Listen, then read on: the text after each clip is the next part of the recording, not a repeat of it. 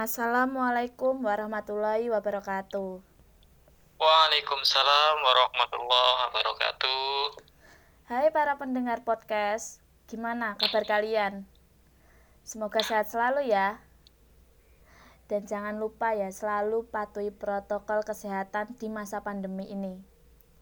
Selalu gunakan masker di mana pun Anda berada. Dan sering-seringlah mencuci tangan agar terhindar dari virus corona. Oke? Oh iya, pasti pada penasaran kan? Kali ini saya akan membahas apa? Ya kan? Eits, tapi perkenalkan terlebih dahulu. Perkenalkan nama saya Rizky Melinia Ramdina. Saya dari Prodi Bimbingan dan Konseling 01. Tapi dalam podcast ini saya tidak sendiri loh. Saya juga ditemani dengan teman saya satu kelas yaitu dengan Kenalkan semuanya, nama saya Bagus Khotibul Umam. Saya satu kelas bersama Kak Meli dalam prodi bimbingan dan konseling kelas 01. Iya, itu adalah teman saya yang saat ini akan menemani saya untuk membahas tentang kesehatan mental ya. Siap. Oke, Uh, hai teman-teman, kali ini saya dan Mas Bagus akan membahas tentang dari kesehatan mental. Dari kesehatan mental ini kita akan mengupas tentang rasa bersyukur. Dari tema ini kita membuat judul. Judulnya apa, Mas? Kita bikin judul berkaca pada diri sendiri. Kita lebih mengedepankan untuk bisa introspeksi diri. Nah, itu dia judul kita. Jadi, sebelum kita masuk dalam materi, kita perlu tahu ya apa itu sih kesehatan mental, ya kan? Masa kita membahas materi tentang kesehatan mental untuk bersyukur, kita nggak tahu apa itu kesehatan mental.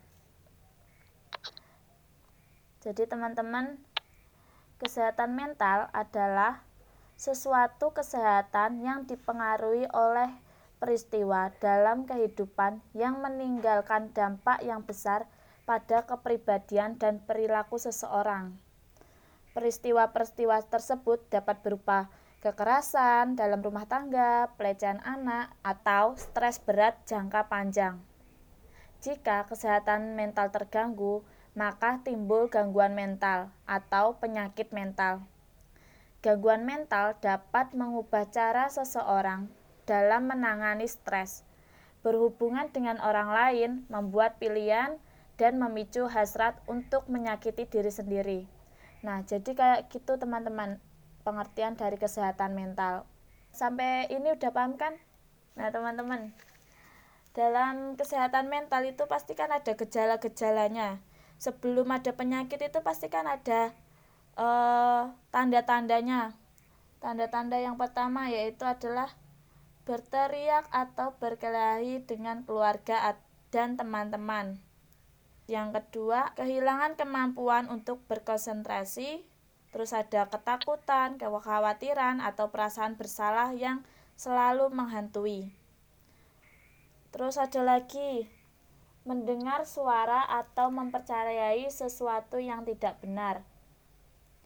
Terus sering merasa sedih, tidak berarti, tidak berdaya, putus asa, atau tanpa harapan. Jadi orang-orang yang mempunyai apa tanda-tanda itu terindikasi dia itu terkena e, penyakit kesehatan mental. Kayak gitu ya, Mas. Cocok sekali dan dari situ kita bisa tahu. Jadi kadang untuk pihak lelaki nih khususnya untuk cowok-cowok nih biasanya itu untuk menutupi kalau mentalnya sedang kurang sehat biasanya mengalihkan isu dengan merokok ada yang lebih ekstrim lagi kadang minum alkohol atau ya membuat memakai seperti narkoba mungkin ganja dan sebagainya sebenarnya itu juga ya salah satu bisa menjadi ciri dari bahwa mentalnya sebenarnya kurang sehat. Itu bagi cowok sendiri ya tapi nggak tahu juga kalau perspektif dari oh cewek itu gimana. Mungkin kak Meli lebih tahu gimana kak? Kalau cewek misal mentalnya lagi kurang sehat tuh gimana sih gitu loh. Oh iya.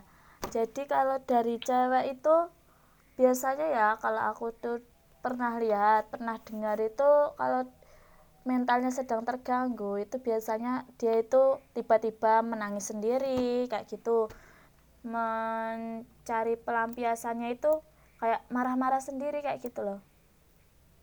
Oke mungkin mungkin karena apa ya bedanya cowok sama cewek mungkin kalau cewek mungkin lebih ke perasaan kalau cowok itu lebih dominan ke logikanya mungkin ya kak ya? Iya lebih mainnya di perasaan kalau cewek itu yang penting jangan mudah baper loh ya.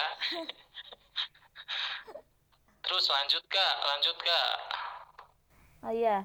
Terus kan dari tanda-tanda kesehatan mental itu kan pasti nanti ada penyebab kesehatannya ya. Itu seperti cedera kepala terus mengalami diskriminasi dan stigma.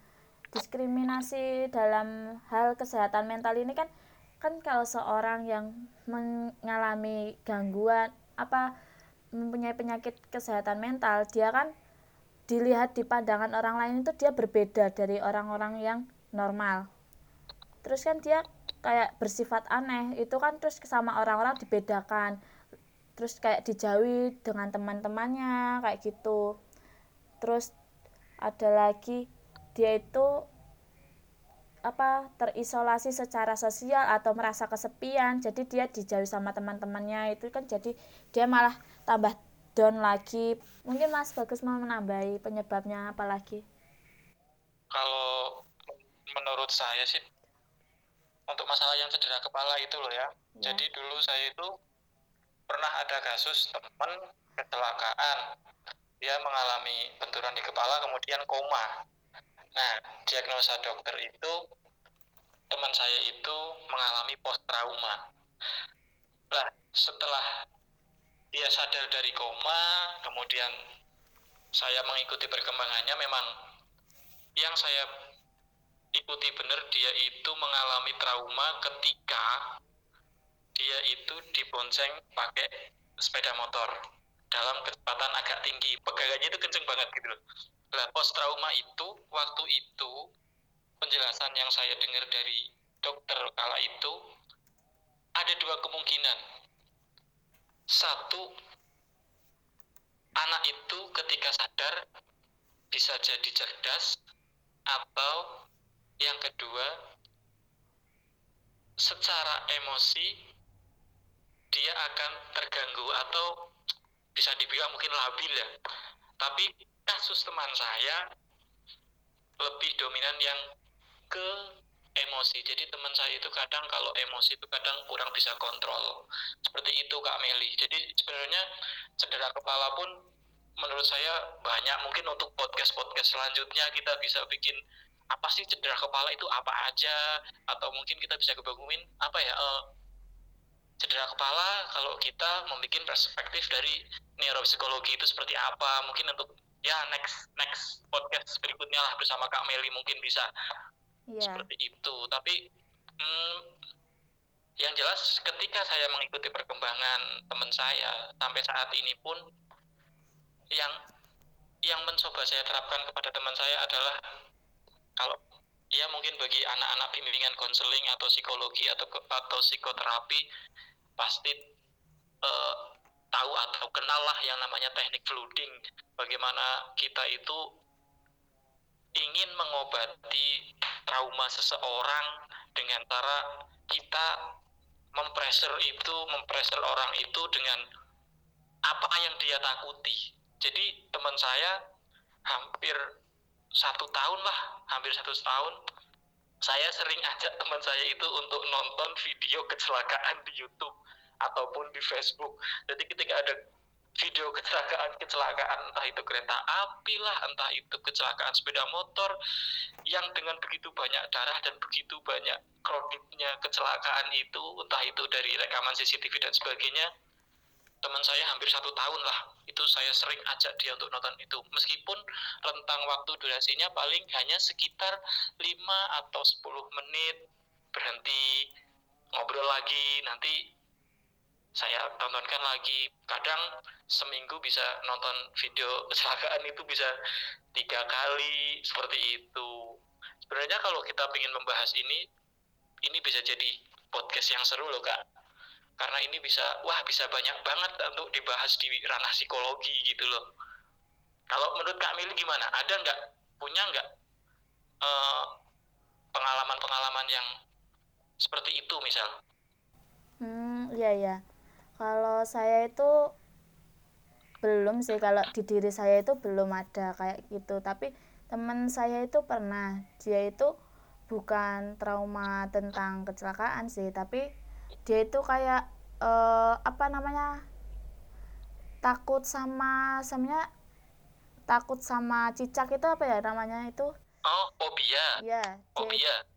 dia, dia itu lebih ke fobianya. Jadi apa kalau udah ketemu sama barang yang ditakuti pasti dia itu kayak mentalnya itu down. Terus kayak tiba-tiba okay, okay. nangis sendiri terus teriak-teriak sendiri kayak gitu. Asik juga nih mungkin next next podcast berikutnya kita bahas, bisa bahas fobia. Fobia kan macam-macam banget tuh banyak banget tuh. Iya. Bisa lah untuk mungkin next podcast berikutnya Kak Meli bisa ngasih kita kasih teman-teman wacana tentang ya wawasan tentang apa itu fobia dan sebagainya. Oke Kak Mei dilanjutkan. Oke siap. Selanjutnya apa nih? Selanjutnya ini ada cara mencegah kena gangguan mental itu sangat berbahaya sekali buat kehidupan sehari-hari kita, buat yang ada di sekitar kita itu kan sangat berbahaya ya. Jadi cara pertama untuk mencegah kesehatan mental yaitu satu, melakukan aktivitas fisik dan tetap aktif secara fisik. Jadi setiap hari itu eh, jangan rebahan terus ya, jangan rebahan terus. Kalau rebahan terus kan nggak punya pengalaman baru, nggak punya apa namanya, kayak hidupnya itu nggak berwarna kalau rebahan terus ya kan. Jadi harus aktif aktif dalam organisasi, aktif dalam kehidupan di masyarakat, di luar. Pokoknya jangan di rumah terus. Biar kita itu kan kalau kita ketemu dengan orang lain, ketemu dengan orang banyak, itu kan pasti kita hawanya kan happy ya. Seneng kayak gitu. Jadi bergeraklah, jangan di rumah terus, jangan rebahan terus. Buat kaum rebahan, stop rebahan ya. Terus ada lagi nih buat cara pencegahannya yaitu membantu orang lain dengan tulus. Dengan tulus ya jangan membantu orang itu ada maunya. Kalau dikasih uang aja mau tapi kalau nggak dikasih leda-lede jangan kayak gitu. Terus ada lagi memelihara pikiran yang positif. Nah ini memelihara pikiran yang positif. Jadi pikiran kita itu jangan seuzon dengan orang lain jangan seuzon dengan hari yang akan datang kita itu harus positif terus. Kita harus berpikir yang baik-baik. Terus uh, jangan terlalu me memendam masalah jangan terlalu memikirkan masalah-masalah yang sedang dihadapi gitu loh. Tahu kan? Tahu sekali. Betul. Memang uh, menurut saya paling paling baik itu memang kita harus memindset diri kita untuk selalu berpikir positif, untuk selalu bisa positif thinking terhadap hal apa pun, di mana pun dan kapan pun. Seperti itu, Kak. Terus ada lagi nih untuk cara mencegahnya itu ada menjaga kecukupan tidur dan istirahat. Jadi walaupun kita aktivitas terus kayak aktif di mana pun, di organisasi, di, di lingkungan masyarakat, kita juga harus perlu istirahat yang cukup istirahat yang cukup itu sangat penting kan kalau kita aktif secara over itu juga membahayakan untuk mental kita kita aktif terus kayak ke mana-mana diikutin terus kayak apa kayak nggak ada istirahatnya kan kita nanti capek sendiri terus nanti kita malah kayak menyalahkan diri sendiri itu kan menyebabkan kesehatan mental kita menurun. Betul sekali. Kita juga kita fisik kita, pikiran kita juga perlu istirahat. Butuh refreshing untuk merefresh diri kita. Nah, itulah pencegahan biar kita tidak terkena gangguan mental, kesehatan mental itu. Nah, gimana sih cara pengobatannya? Kan kalau ada orang yang sudah terkena ya, ini buat orang yang sudah terkena sudah terindikasi uh, terkena kesehatan mental yaitu yang pertama adalah psikoterapi. Teman-teman udah tahu belum apa itu psikoterapi? Mas Bagus sudah tahu apa itu psikoterapi? Sementara ini belum. Oke. Apa itu kak? Psikoterapi itu apa kak? Penasaran aku tuh. Oke, psikoterapi adalah terapi bicara yang memberikan media yang aman untuk pengidap dalam mengungkapkan perasaan dan meminta saran. Nah, psikoterapi itu kan kalau kita kan kalau bimbingan konseling itu kan namanya konselor ya buat orang orang yang memberikan uh, memberikan saran kayak gitu loh. Kayak yang mengobati itu kan kalau kita kan konselor. Lah kalau di psikoterapi itu namanya psikiater. Nah seorang psikiater itu memberikan bantuan dengan membimbing pengidap dalam mengontrol perasaannya. Contohnya dari psikoterapi itu seperti kognitif behavioral terapi terus ada exposure terapi seperti itu. Pokoknya itu seorang psikoterapi itu adalah dokter yang menangani kesehatan mental. Dia itu kayak seorang yang diajak curhat kayak gitu diajak curhat orang yang mengidap kesehatan mental. Nah terus ada lagi pengobatan untuk orang-orang yang mengalami gangguan mental yaitu kalau dia udah over ya udah over terkena gangguan mental itu kita gunakan obat-obatan. Tapi ini obat-obatannya dari dokter khusus ya teman-teman. Tidak sembarangan obat diberikan ke orang yang mengalami gangguan mental. Jadi biasanya itu obat-obatnya itu kayak buat nenangin aja sih. Itu kayak biar seorang itu seseorang yang terkena kesehatan mental eh gangguan mental itu dia itu kayak biar tenang biar tidur terus biar diem gitu loh. Kan kalau orang yang mentalnya sudah over sudah over gimana ya sudah melampaui batas gitu loh. Gangguan mentalnya itu kan dia pasti uh, kayak teriak-teriak terus geraknya itu berlebihan kayak gitu kan. Kayak harus dipegangin kalau ditali kan ya kasihan kan. Mending kita kasih obat aja buat penenangnya itu. Terus mungkin mas bagus ada lagi kah? Mungkin kalau memang itu dari tadi kan obat-obatan ya, ya ketika mungkin itu sudah parah mungkin orang itu mengalami depresi ataupun apa depresinya sudah tingkat yang mungkin sudah parah. Yang hanya dengan obat-obatan mungkin tidak bisa kurang lah kurang maksimal. Biasanya itu ada rujukan untuk rawat inap di rumah sakit. Rumah sakit yang memang khusus untuk menangani kejiwaan. Meskipun secara mungkin dia bukan orang gila dia belum gila dia hanya depresi tapi kan butuh ruangan khusus dan dokter-dokter khusus yang merawat kejiwaannya agar bisa survive kembali. Jadi dalam pengobatan itu menurut saya ada ada rawat inap juga seperti itu. Rujukan daripada dokter-dokter khusus yang menangani tentang jiwa. Kemudian ada support group. Nah support group itu biasanya umumnya beranggotakan pengidap penyakit mental atau orang yang mengalami sakit mental atau mentalnya sedang down yang sejenis atau yang sudah dapat mengendalikan emosinya dengan baik kalau mungkin Kak Meli juga kalau di bimbingan konseling itu kan ada yang namanya konseling kelompok.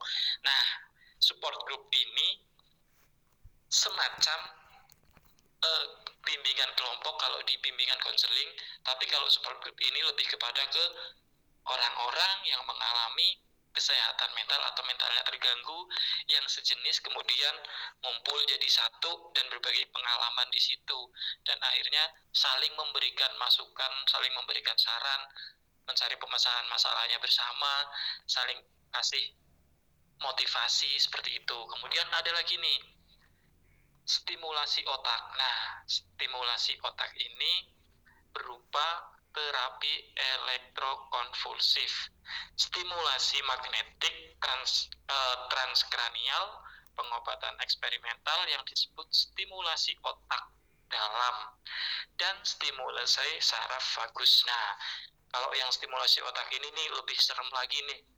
Ini benar-benar orang-orang khusus yang memang berkecimpung di dunia kesehatan mental bener nih. Dokter-dokter yang wah dokter jiwa pasti tahu lah kalau yang ini.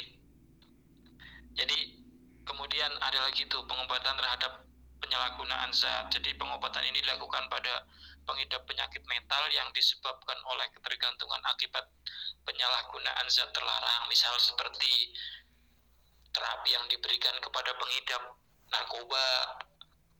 Nah seperti itu. Mungkin pecandu alkoholik yang udah bener-bener gak bisa lepas dari alkohol. Nah, itu biasanya ada terapi-terapi khusus yang diberikan dalam penyembuhan itu. Kemudian orang yang mengalami sakit mental atau orang bilang apa ya? Ya sakit mental sih, bukan sakit jiwa. Beda sih sakit mental sama sakit jiwa. Ini bagi orang yang sakit mental itu biasanya membuat rencana bagi diri sendiri. Misalnya mengatur gaya hidup, pola hidup, kebiasaan sehari-hari, gitu loh. Karena ya kita kan pribadi kita kan terbentuk dari habit dari kebiasaan kita sejak kecil yang dibentuk. Entah itu dari lingkungan keluarga lingkungan masyarakat lingkungan pertemanan dan sebagainya. Seperti itu Kak Meli. Selanjutnya apa ini Kak Meli? Oke itu ya. Jadi kayak gitu.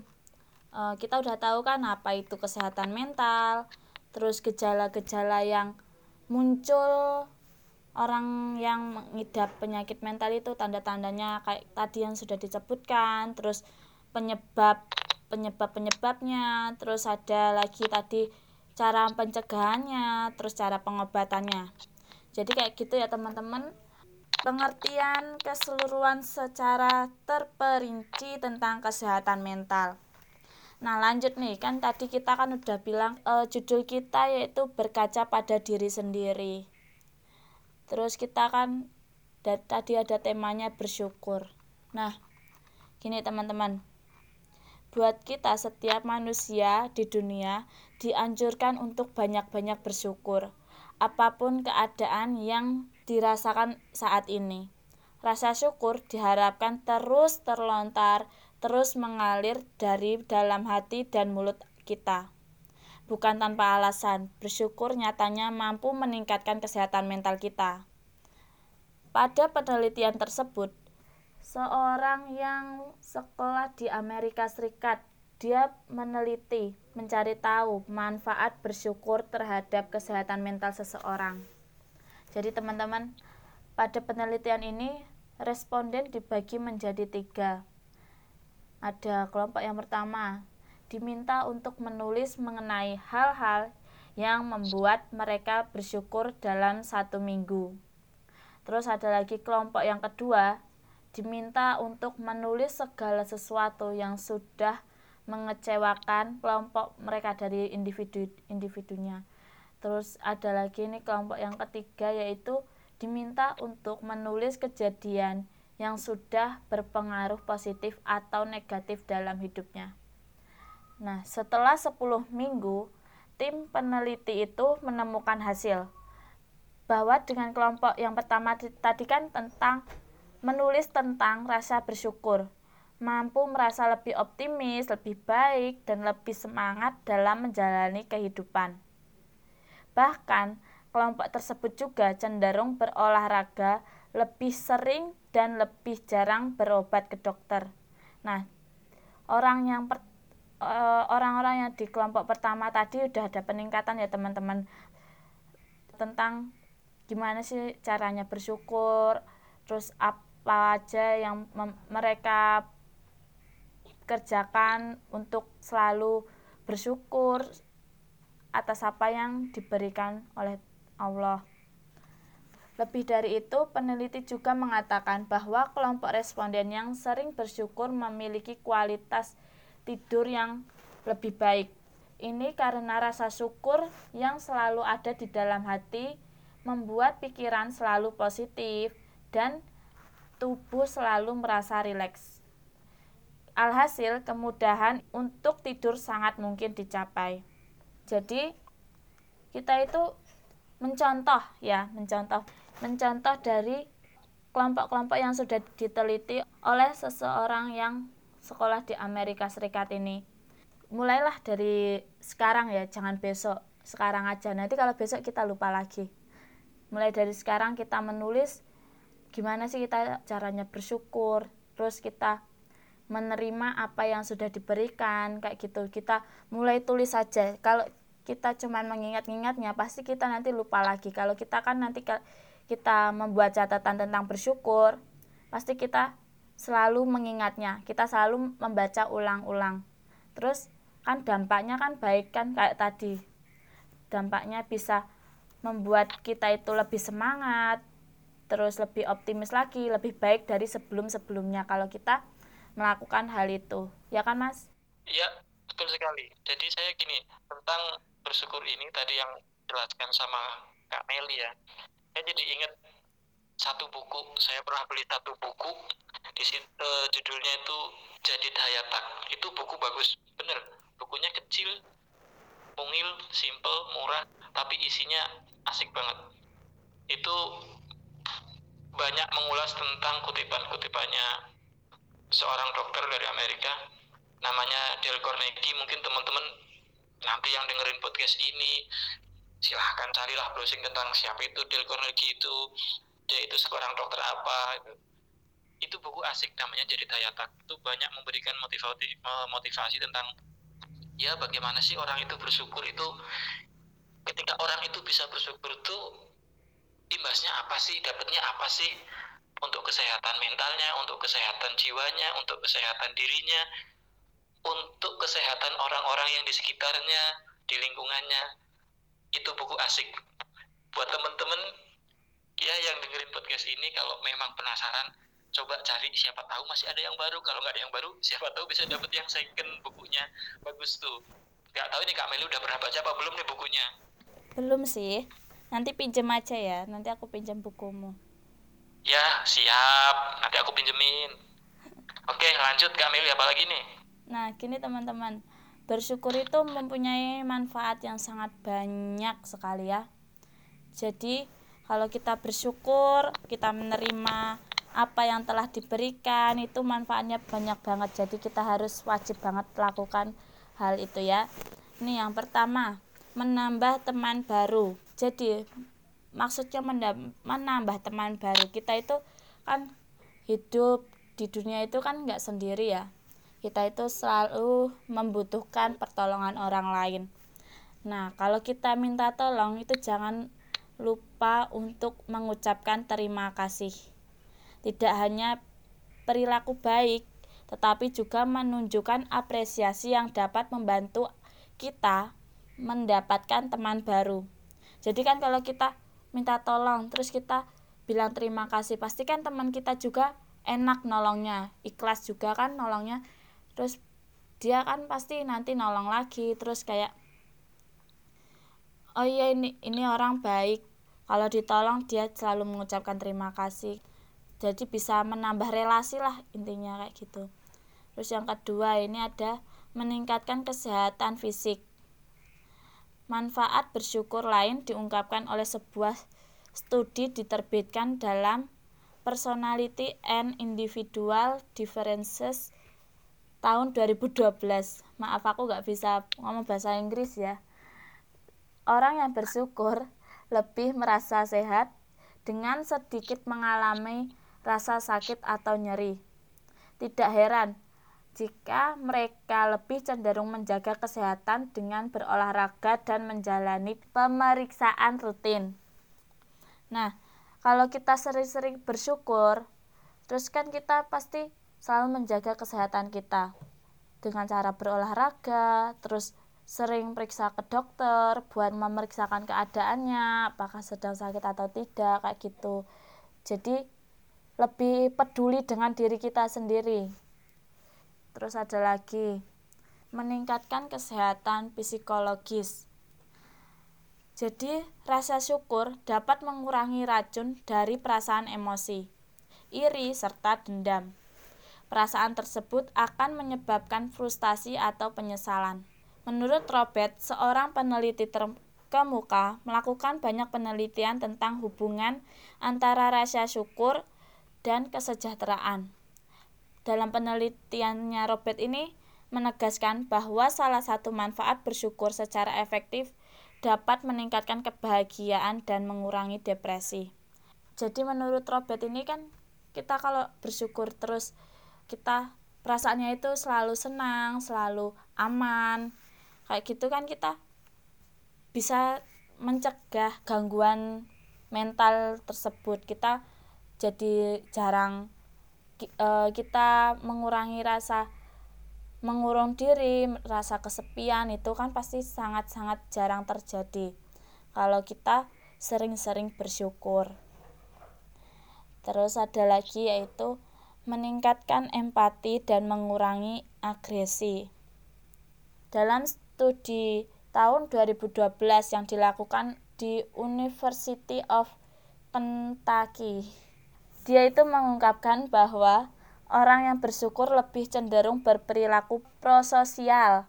Bahkan ketika orang lain berperilaku kurang baik, orang yang sering bersyukur memiliki kemungkinan kecil untuk membalas perilaku buruk orang lain tersebut. Mereka lebih empati terhadap orang lain dan tidak suka membalas dendam. Orang yang sering bersyukur itu dia itu orangnya lebih sabar lebih menerima apa yang sudah diberikan kayak gitu. Malah lebih peduli dengan orang lain. Kalau orang lain mengalami kesusahan pasti dibantu kayak gitu. Terus mungkin mas bagus ada lagi kah? Kalau mungkin menambahi lagi seseorang yang punya rasa bersyukur yang tinggi, dia memiliki rasa empati yang bagus terhadap lingkungan, terhadap sosial, dia itu akan memiliki uh, kualitas tidur yang lebih baik. Karena apa? Karena seorang yang mampu bersyukur itu, dia itu mindsetnya banyak berpikir positif, tidak pernah sudut kepada orang lain. Jadi enjoy aja gitu loh. Secara orang yang memiliki rasa syukur yang tinggi dia akan lebih dominan untuk bisa merelaksasi diri untuk mudah tidur. Karena ya udahlah ketika ada masalah atau ketika dia dijelek-jelekan sama orang lain dia udah ya udahlah gitu aja. Akhirnya dia udah santai aja lah tidur gitu. Jadi orang yang bersyukur itu bisa memiliki kualitas tidur yang lebih baik karena dia merasa yang ada di luar diri dia ataupun uh, orang lain ataupun lingkungan bagi dirinya bukan musuh tapi teman. Jadi orang yang bersyukur itu akan selalu enjoy dan nyaman-nyaman aja tidak punya musuh. Jadi or, dia bisa memiliki kualitas tidur yang lebih baik karena orang itu nyantai gitu loh. Kemudian selanjutnya uh, orang yang bisa bersyukur itu mampu bersyukur dengan baik itu bisa meningkatkan harga diri karena apa? Karena kalau menurut peneliti, uh, penelitian yang dilakukan oleh Journal of Athlete Sport Psychology ya mengungkapkan bahwa perasaan bersyukur dapat meningkatkan harga diri pada atlet untuk kinerja yang optimal. Nah, penelitian lain menunjukkan bahwa rasa syukur bermanfaat untuk mengurangi perbandingan sosial. Nah, jadi kok bisa sih apa sih hubungannya meningkatkan harga diri? Dengan ini yang meneliti adalah uh, ada dari jurnal atlet gitu tentang atlet itu apa sih? Jadi orang yang mampu bersyukur itu pada diri atlet dia mempunyai optimis yang tinggi menang dan kalah itu sudah suatu kewajaran dalam dunia pertandingan. Nah, jadi atlet itu ketika atlet itu bisa apa atlet memiliki rasa syukur yang tinggi ketika dia kalah justru dia akan memotivasi dirinya untuk bangkit mungkin di next pertandingan aku yang akan menjadi juara seorang atlet itu menjadi juara dia juga akan bisa bersyukur bahwa ini adalah sebuah apa jerih payah saya ketika saya mengolah menempa diri saya sebelum pertandingan. Jadi bukan masalah kesombongan ini loh gue nih gue nih gue menang nih. Enggak gitu juga gitu loh. Orang seorang atlet itu malah lebih ke meningkatkan harga diri bukan untuk sombong tapi untuk bersyukur. Karena dia di or, uh, seorang atlet yang bersyukur, mampu bersyukur itu dia akan ketika dia menang dia mampu menempatkan dirinya bahwa kemenangan itu adalah sebuah pencapaian dari jeripayah sebelum pertandingan bukan untuk disombongkan seperti itu. Kemudian seseorang yang mampu bersyukur dengan baik itu akan meningkatkan kekuatan mental. Karena apa? Karena seseorang yang mampu bersyukur itu mentalnya akan terasah, akan tertata dengan baik, emosionalnya akan tertata dengan baik, tidak mudah marah. Karena rasa empati itu sudah tumbuh di dalam diri, di dalam hati.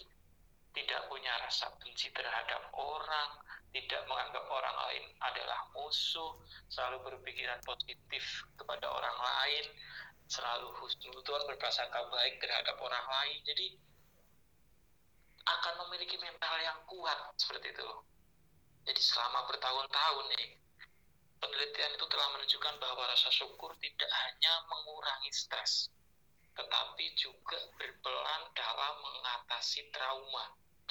Jadi sebuah studi tahun 2006 itu yang diterbitkan dalam Behavior Research and Therapy menemukan bahwa seorang veteran perang dari Vietnam yang bersyukur mengalami gangguan stres pasca trauma lebih rendah. Karena apa? Karena ya, apalagi seorang veteran, belum lagi ketika seorang veteran itu misal ketika perang mengalami cedera yang harus diamputasi kakinya. Hanya akan menggantungkan pada satu kaki yang sempurna, yang satunya harus diamputasi. Ketika seorang veteran itu tidak mampu bersyukur dan tidak mampu memotivasi dirinya bahwa saya lebih baik mempunyai kaki satu daripada tidak punya kaki sama sekali. Ketika seorang veteran mampu untuk memotivasi dirinya seperti itu, dia akan tetap bangkit dan survive dan akan tetap sehat karena dia memiliki mindset bahwa dengan kaki satu pun saya masih bisa jadi pejuang orang saya juga berjuang dulunya saya juga veteran saya membantu kemerdekaan dan sebagainya, saya punya sumbangsi besar untuk negara, masih ada yang bisa ia banggakan dari dirinya meskipun dia mengalami cedera fisik karena sebuah pertempuran atau peperangan. Seperti itu Kak Meli. Gimana Kak Meli? Selanjutnya apa nih Kak Meli? Oke, bagus banget ya. Uh, Mas Bagus lebih banyak pengalamannya, lebih banyak wawasannya. Kayak gitu ya teman-teman nanti kita sambung lagi podcast tentang kesehatan mental ya. Jadi jangan sampai ketinggalan apa sih itu tentang kesehatan mental. Nanti kita akan mengembangkan lagi. Kalau hari ini kan kita membahas kesehatan mental untuk sering-sering bersyukur ya. Nanti kita bisa mengembangkan lagi tentang kesehatan mental yang lain. Jadi jangan sampai ketinggalan podcast dari saya dan Mas Bagus jangan sampai kelewatan karena ini sangat-sangat penting buat kehidupan sehari-hari kita dan bermanfaat banget buat diri kita sendiri, buat orang lain maupun buat kita beraktivitas di luar sana kayak gitu ya teman-teman. Mohon maaf kalau podcast dari kami kurang jelas, kurang bagus maaf banget ya teman-teman next podcast nanti kita bakal upload lagi tentang psikologi klinis oke jangan sampai ketinggalan jadi yang kali ini kita buat podcast untuk penugasan dari mata kuliah kita yaitu adalah psikologi klinis yang dosen pengampunya yaitu adalah Bu Verisa. Mas Bagus mau nambahi kah? Kayaknya segitu dulu aja kak.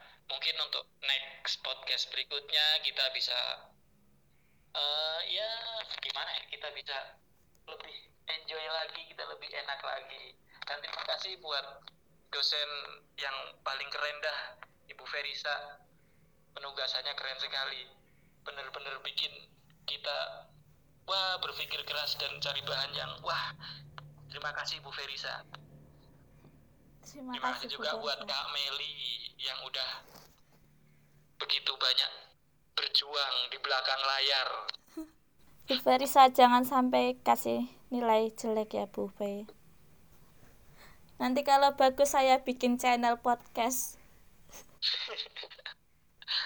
oke Kak Meli Oke, terima kasih teman-teman sudah mendengar podcast kami. Sekian, sekali lagi kita mohon maaf apabila ada kesalahan dalam berkata. Mohon dimaafkan ya. Sekian, wassalamualaikum warahmatullahi wabarakatuh.